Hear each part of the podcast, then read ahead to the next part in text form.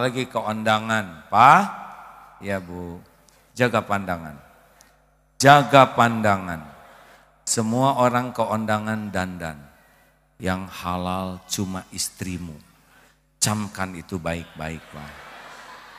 Jawab, siap insya Allah. Gitu. Jangan sekali-kali ngomong, ibu teh curiga wae, kumaha teh curiga siapa? Panjang. Stok kata-katanya lebih banyak dari kita.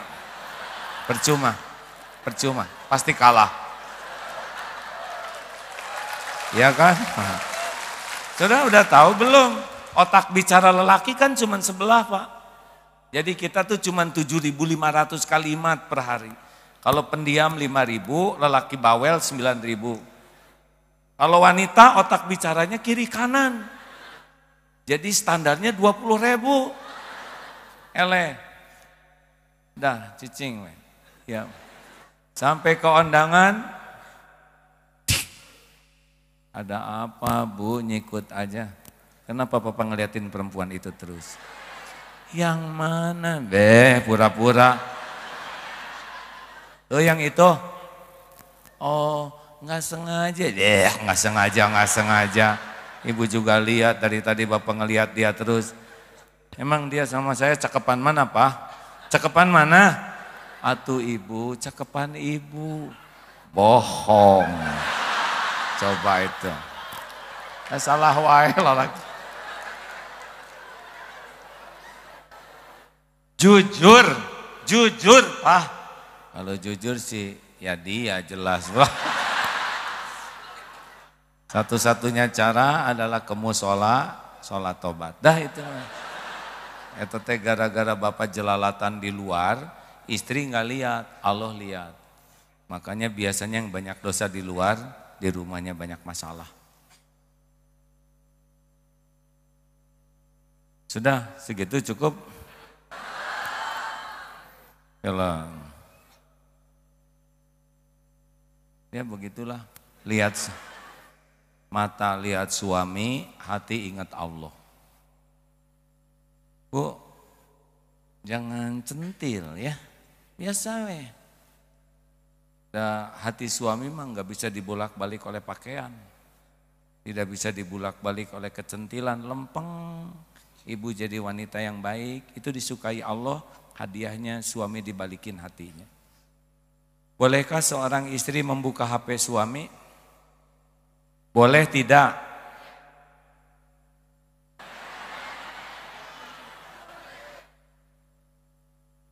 Jawabannya tergantung. Kalau suami minta tolong, Bu, tolong bukakan HP saya amal soleh. Tapi dah suami udah menyiapkan segalanya ya. Tapi kalau suami tidur pulas karena dikasih antimo dua oleh ibu, terus pelan-pelan. Ibu buka HP suami, tapi nggak tahu passwordnya, kan nyiksa diri. Coba kalau ibu udah lihat HP suami isinya, ibu kaget, hati jadi tenang atau galau? Urusannya jadi nambah, beres atau nambah? Tuh, nggak ada gunanya. Mending patuh ke Allah. Allah melarang kita buruk sangka, jangan buruk sangka. Allah melarang kita tajasus, Al-Hujurat ayat 12. Jangan ngorek-ngorek, jangan ngorek-ngorek.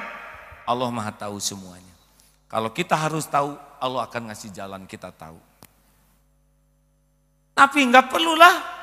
Kalau nggak bisa nggak jadi maslahat kita tahu, mending nggak tahu aja. Yang penting jadi baik, betul? Mendingan bu nggak usah tahu dosa suami, tapi suami jadi baik. Daripada ibu tahu dosa suami dan suami jadi ngaco. Yang penting kan jadi baik. Betul kan? Nah itu kalau ngandalkan Allah. Makanya ibu kalau udah cemburu sama suami, Allah andalannya. Ambil air wudhu, sholat sunnah dua rakaat, sholat apa? Tobat. Karena boleh jadi suami jadi ngaco gara-gara ibunya yang ngaco. Ya, ampun ya Allah saya belum jadi istri yang baik. Engkau tahu Hati saya tuh benar-benar kotor, pikiran saya busuk, ampun. Yang kedua, sholat lagi. Sholat apa? Berhajat. Titip suami saya, ya Allah, engkau tahu di mana suami saya. Karena suami saya adalah ciptaanmu. Suami saya adalah milikmu. Suami saya sepenuhnya dalam kekuasaanmu. Tolong jaga ya Allah. Allah lihat tidak ibu yang sholat? Allah lihat tidak? Allah mendengar doa ibu? Dengar tidak? Disia-siakan tidak? Mungkin tadinya suaminya yang mau ke diskotik, ditembak oleh doa istrinya, kalau blues jadi ke masjid, nah jadi ke dia ya. Jadi itikaf. Nah jadi itikaf orangnya. Apa sulitnya bagi Allah membulak balik hati suami. Begitulah hadirin, semua urusan itu harusnya ke Allah. Termasuk kalau punya keinginan. Ingin apa pun pasti Allah yang punya. Ingin apa pun pasti Allah yang nentukan. Aduh, ah, saya pengen punya rumah. Ya tuh minta ke Allah. Harga tanah makin naik, ah, makin gak terjangkau. Iya, menurut kita. Tapi kalau Allah mau ngasih rumah, Enggak sulit sama sekali. Tinggal dibalikin aja hati mertua. Saya teh sebel ke mana teh minantu. Tapi lah lumayan teh apartemen tuh. Dapat lunasin gitu. Atau ada temen punya rumah nggak kepake, isi aja rumah saya. Tolong urusin, pakai banyak ngaji. Kalau sudah waktunya tinggal dibalikin aja oleh Allah. Dia nulis wasiat rumah ini, ya namanya juga cerita. Gampang, betul tidak? Tapi tidak sedikit yang cerita jadi kenyataan. Ingat hutang, ingat Allah, dan nggak ada yang bisa ngelunasin utang kita. Kenapa ya? Ah? Saya sudah tahajud, teman saya dilunasin, saya enggak. Ada sama-sama tahajud. Boleh jadi teman itu tahajud bukan pengen lunas utang. Dia itu tahajud pengen dicintai Allah. Kalau kita tahajud pengen lunas utang. Beda. Makanya tahajud, tahajud.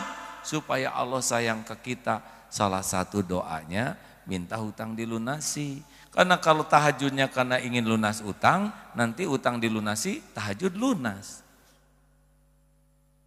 Makanya kalau saudara sudah doa nggak dapat dapat, jangan-jangan saudara memang nggak ikhlas dalam ibadahnya. Jelas? Takut, takut apa? Ibu takut apa? Ada yang ditakuti nggak? Ah, takut apa? Suami takut apa? Takut istri udah lewat tadi kucing, ya. Hmm? Anak Anak ibu bukan bikinan ibu loh bu. Ibu boro-boro bikin anak, gambar anak juga gagal. Sehelai rambut aja nggak sanggup. Anak itu sempurna ciptaan Allah, sempurna milik Allah, sempurna setiap saat dalam genggaman Allah. Kita cuma diamanahi saja. Nah, banyak yang stres karena merasa anak itu miliknya dalam kekuasaannya. Jadi jarang ingat ke Allah. Kenapa ngebangunin anak sholat marah? Karena enggak ingat Allah. Bangun, bangun, siapa kumaha. Kata anak-anak, teman saya enggak pernah sholat, ramah-ramah. Ibu rajin sholat, amuk-amukan. Jadi kata anak yang benar mah enggak sholat nih. Coba itu. Harusnya tangan ke anak, hati ke Allah. Ya Allah, ampun saya belum jadi orang tua yang baik. Saya mohon anak ini jadi ahli ibadah. Bangun nak, bangun nak. Sambil diusap, bangun sayang. Ya Allah bangunkan. Allah mendengar ucapan, Allah tahu hati. Apa sulitnya bagi Allah membuat hati dia jadi lunak. Gitu hadirin, andalkan Allah dalam segala urusan. Nyata ini. Kemarin naik pesawat dari Solo Siap, Dah, kemarin lion jatuh. Ya kita harus siap, makanya kalau bisa mah wudhu dulu sebelum naik pesawat. Cari kursi dekat jendela, lebih aman jendela. Kalau di tengah suka ada yang lewat-lewat terus lah ya berat. Ning kene lihat jendela, lihat awan, baca Quran, zikir sebelum tidur. Pes siapa tahu jatuh.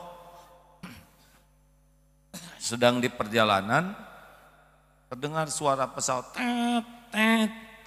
Ini apa pesawatnya bunyi-bunyi tet tet keras gitu. Tapi karena ngantuk, tidur lagi. Menjelang mendarat dibangunkan pesawat dan segera mendarat. Pas kenapa nih Husen jadi gini? Jadi gersang, jadi banyak sawah biasanya kan perumahan. Pas sudah mendarat, hah? Nah Husen robah. Ternyata mendaratnya di Adi Sumarno, di Solo lagi. Ini kenapa bulak balik ke sini? Iya, A, pesawatnya rusak. Alhamdulillah nggak tahu hadirin. Yang stres mah yang tahu. Iya kan? Jadi sepanjang jalan tuh, oh subhanallah, alhamdulillah. Pas turun dari pesawat teh musola pinuh pada sujud syukur. Ya daripada mendarat di gunung, mending mendarat balik lagi. Sebagian indah pesawat, ada yang ke sana, ada yang naik travel, ada yang nyari kereta. Hari ah, gimana kata penumpang yang lain? Ya saya mah tergantung kalau pesawatnya bisa diperbaiki ya di sini. Tuh, ah, diperbaiki juga kalau rusak mah tetap bisa jatuh Atuh dan nyawa mah nggak akan ketuker. Kalau saya memang ajalnya di sana, saya bekal ke sana. Waktunya juga tepat, tempatnya juga tepat. Udah nggak apa-apa. Alhamdulillah pesawatnya diganti. Bisa hidup sampai sekarang, benar? Yang kasihan yang naik pesawat yang lain jauh ke Surabaya dan sebagainya. Tapi ya sudahlah, ada garis masing-masing. Jangan-jangan dia ke sana tuh justru di jalan nyawanya dijemput ya. Allah. Takut mati ingat Allah. Wah sekarang musim demam berdarah. Ingat Allah. Nyamuk itu ciptaan Allah. Yusabihu lahu ma fis samawati wa ma fil ard. Bertasbih kepada Allah nyamuk itu. Nyamuk itu nggak milih kita, Allah yang milih. Nyamuk mau bertasbih aja.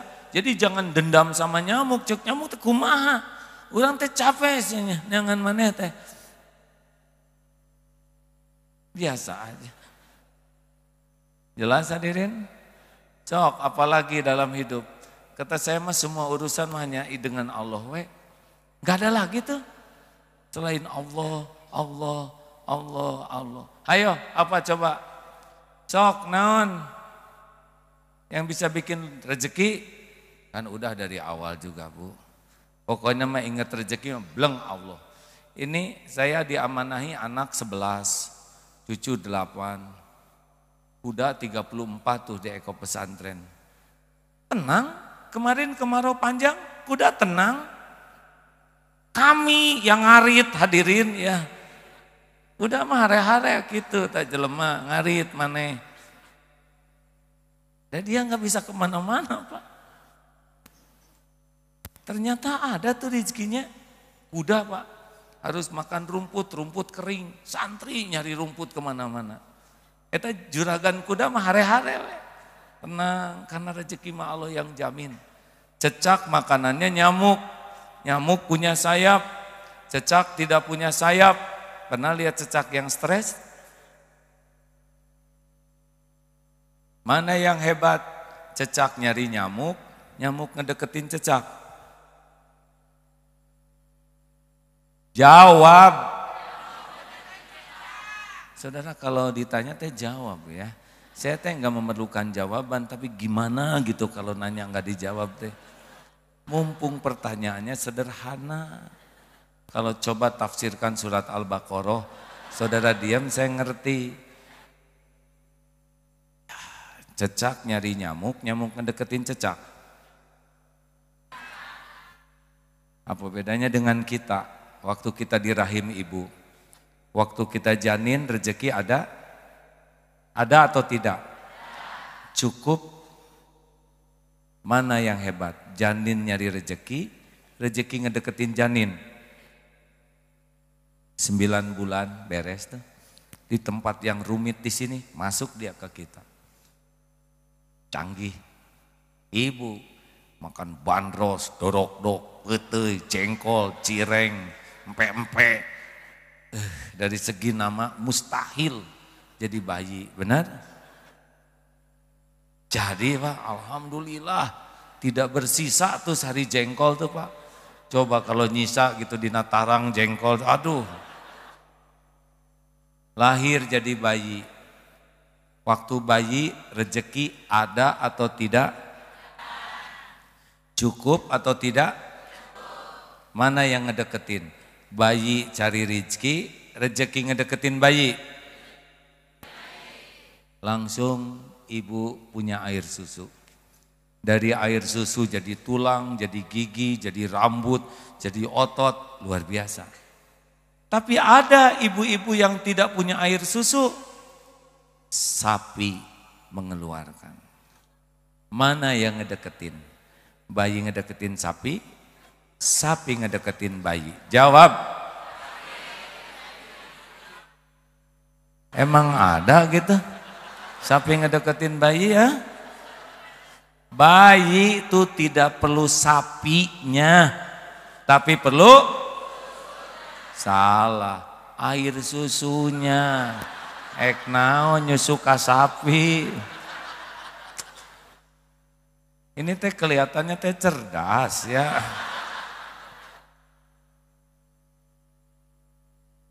Bayinya di Bandung, sapinya di Nusa Tenggara, sapinya di Selandia Baru. Ada tuh peternakan sapi punya Ustadz Reza tuh. Begitu banyak sapinya diekspor. Artinya sapinya di Selandia Baru, bayinya di sini nyampe ke sini. Itulah rezeki. Ayyi alai rabbikuma tukandiban. Begitulah. Jangan takut tidak punya rezeki. Sudah segitu aja lah ya. Capek ah, udahan. Tidak boleh mengeluh. ini teh buat saya kursi teh. Nah, kenapa nggak didudukin? Nah, tidak boleh nyebut kenapa tuh. Udah udah lewat, ya kan? Dah, tinggal sekarang we duduk Gusti meniraos calik. Teman-teman mau Punya hati yang yakin ke Allah enggak? Pertama harus berguru kepada orang yang yakin. Karena yakin itu hanya bisa diyakinkan oleh orang yang yakin. Jadi kalau belajar tentang Allah, kan ada yang ilmu yakin, ada yang ainul yakin, ada yang hakul yakin. Minta ke Allah, guru orang yang yakin. Kalau orang yakin ke Allah derajatnya la khaufun alaihim walahum yahzanun. Enggak takut, enggak sedih tentang dunia ini. Yang kedua harus mujahadah.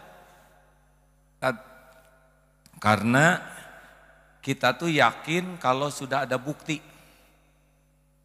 Nah banyaknya orang yang belajar agama tuh malas di dalam bermujahadahnya. Ya saya dulu oleh guru dididiknya begitu. Dulu kira-kira awal-awal belajar, Aa, setiap ada yang minta jangan mengatakan tidak, kasihkan. Uh, punya cincin bagus dulu, ada lafad Muhammadnya. Wih, cincinnya bagus, A. Nih, nyari lagi beli cincin. Tiap orang lama-lama, A, Jasnya keren. Ya. Sampai suatu saat, dulu ini ya masih muda lah. Tahun 80-an, 85, 86. Suatu saat ceramah di Jatinangor jatuh malam-malam tuh. Sehingga baju tuh kotor. Tinggal satu-satunya yang bagus buat ceramah. Pagi ada ceramah tuh. Ya Allah, saya enggak ada lagi baju, jas semua udah dikasihin.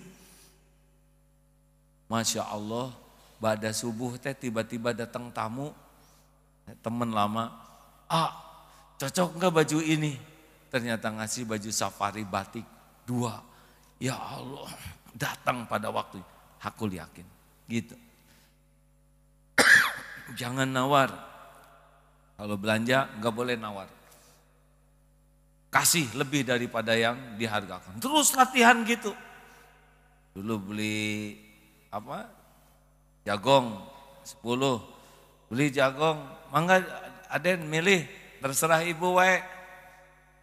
Jangan yang bagus-bagus bu, yang jelek-jelek juga nggak apa-apa. Ah masa? Ternyata selain udah 10 ditambahin jadi 12. Tambahin yang paling bagus satu. Jadi 13 Tuhan. Kalau enggak nawar. Jadi yakin. Nah harus riadoh kayak gini. Makanya nanti kalau ada sedekah, coba jangan ragu-ragu, jebet aja. Pasti nyesal, ya kan?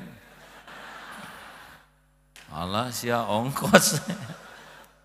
Nyesal kalau nanti kita udah lihat betapa janji Allah bagi yang bersedekah itu luar biasa. Tes dulu, kalau punya uang, jujur ya awas. 150 ribu yang mana yang disedekahkan? Jujur. Ah ya mau curiga saya dari awal pertanyaan kurang jujur tadi. Bu, Punya uang 120 ribu, kotak infak lewat. Yang mana yang dimasukin? 120, bagus ibu jujur ya. Yang ngomong 100, tobat kalau nggak benar. Sekarang rezekinya ditambah jadi 125 ribu, jadi tiga lembar. Yang mana yang dimasukin kotak infak? 5 ribu, jujur, jujur. Tambah lagi jadi 127 ribu. Begitu hadirin, ini jujur kira-kira dia pura-pura 120. Dusta kalau enggak deh. Jangan ragu-ragu ya. Jebet-jebet aja kalau mau ngeluarin uang tuh. Jangan memikir terlalu lama. Karena kalau mikir lama setan nipu. Percayalah hadirin. Jebet-jebet we.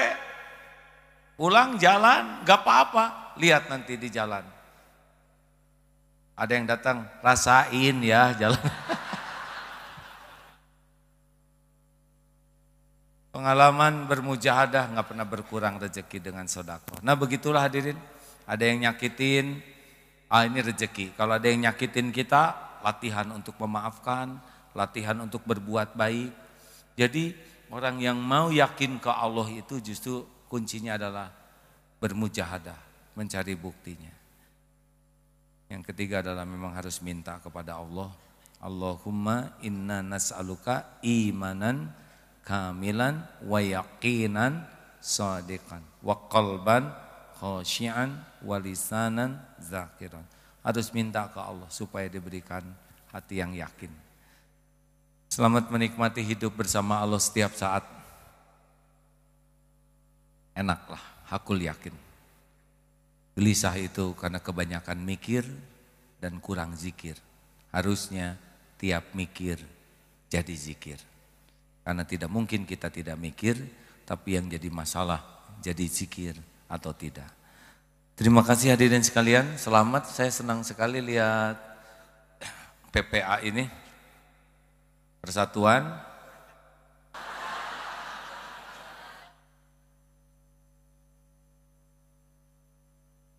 Kapan-kapan diadakannya di Darul Tauhid atau?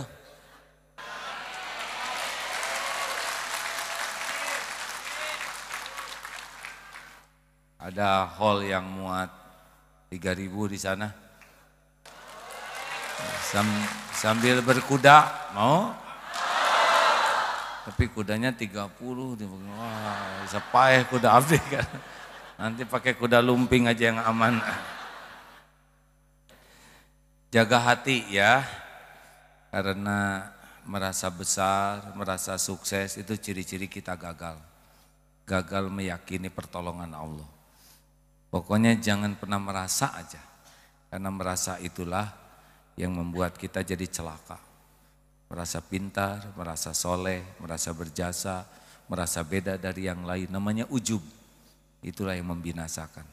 Jauh dari pertolongan Allah. Semoga Allah selalu menolong kita. Terima kasih. Subhanakallahumma bihamdik. Asyhadu alla ilaha illa anta. Astagfiruka wa atubu ilaik. Bismillahirrahmanirrahim. Alhamdulillahi rabbil alamin. Ar-Rahmanir-Rahim Maliki yaumiddin. Iyyaka na'budu wa iyyaka nasta'in. Ihdinas siratal mustaqim. Siratal ladzina an'amta 'alaihim. 'Alaihim waladdallin. Amin ya Allah. Allahumma salli wa sallim wa barik ala sayyidina Muhammad wa ala alihi wa ashabihi ajma'in. Alhamdulillahi Rabbil Alamin. Duhai Allah yang maha menatap. Wahai yang menciptakan, yang menggenggam diri-diri kami. Wahai Allah yang menakdirkan pertemuan ini terjadi. Duhai yang maha mendengar. Berkahilah pertemuan ini ya Allah. Ya Rob, Engkau tahu apa pun yang kami lakukan. Tak ada satupun maksiat kecuali engkau pasti menyaksikannya. Tidak ada satupun dosa dan aib kecuali engkau pasti melihatnya.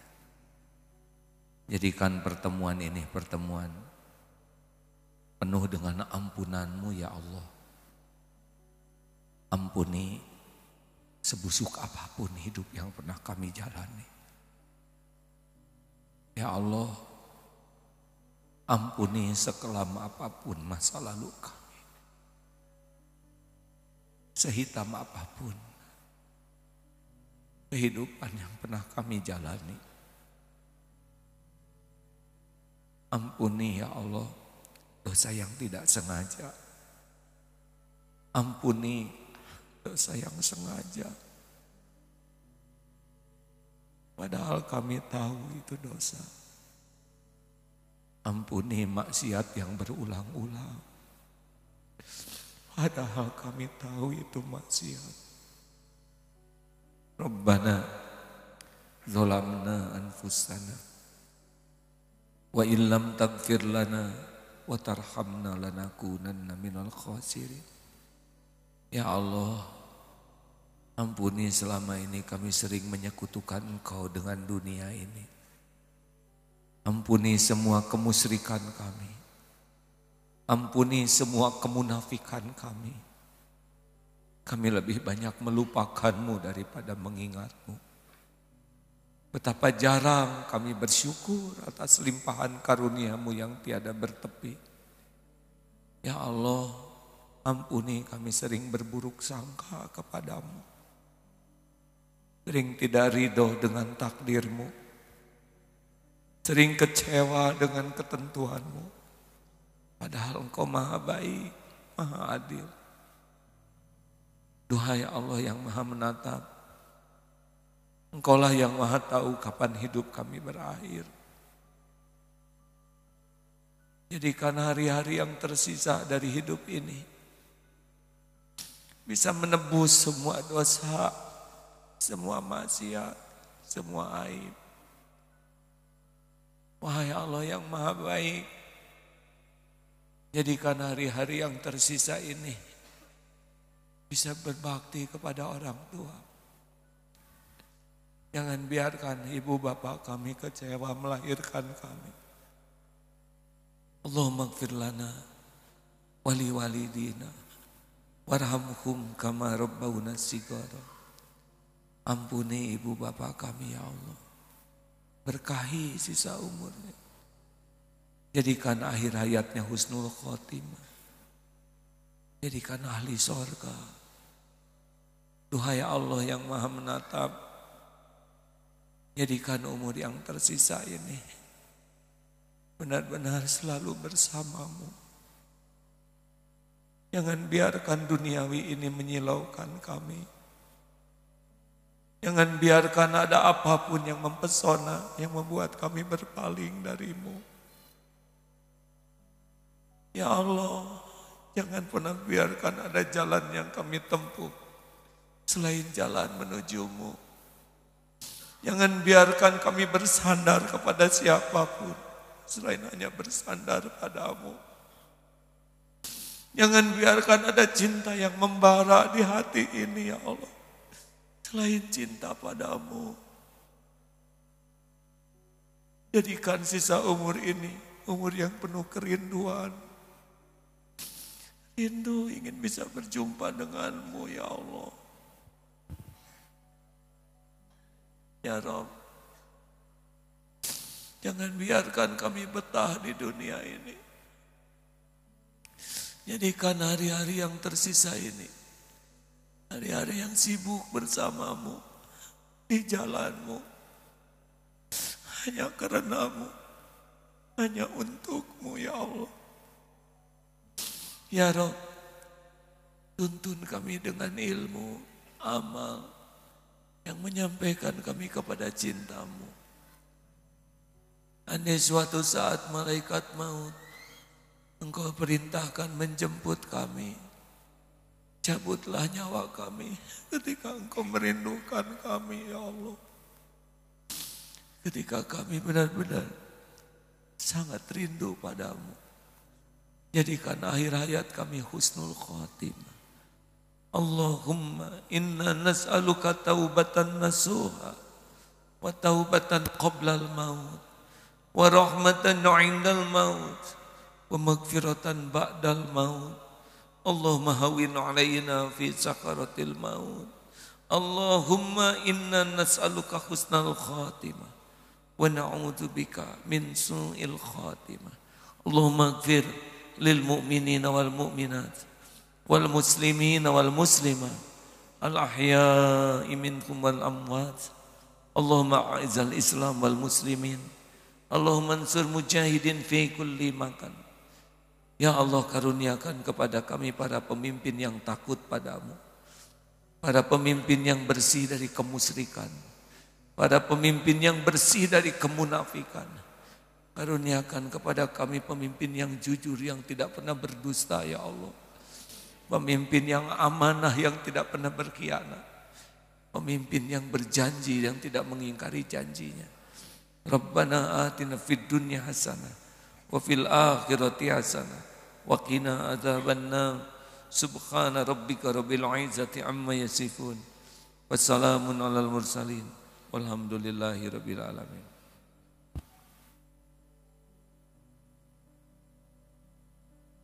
Hadirin menghadapi pilpres banyak doa.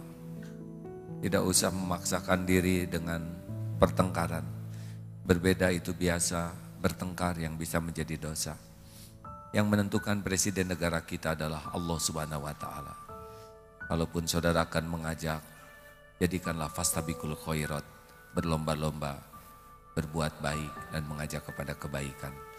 Mudah-mudahan Allah mengaruniakan kita pemimpin yang amanah, adil dan istiqomah. Assalamualaikum warahmatullahi wabarakatuh.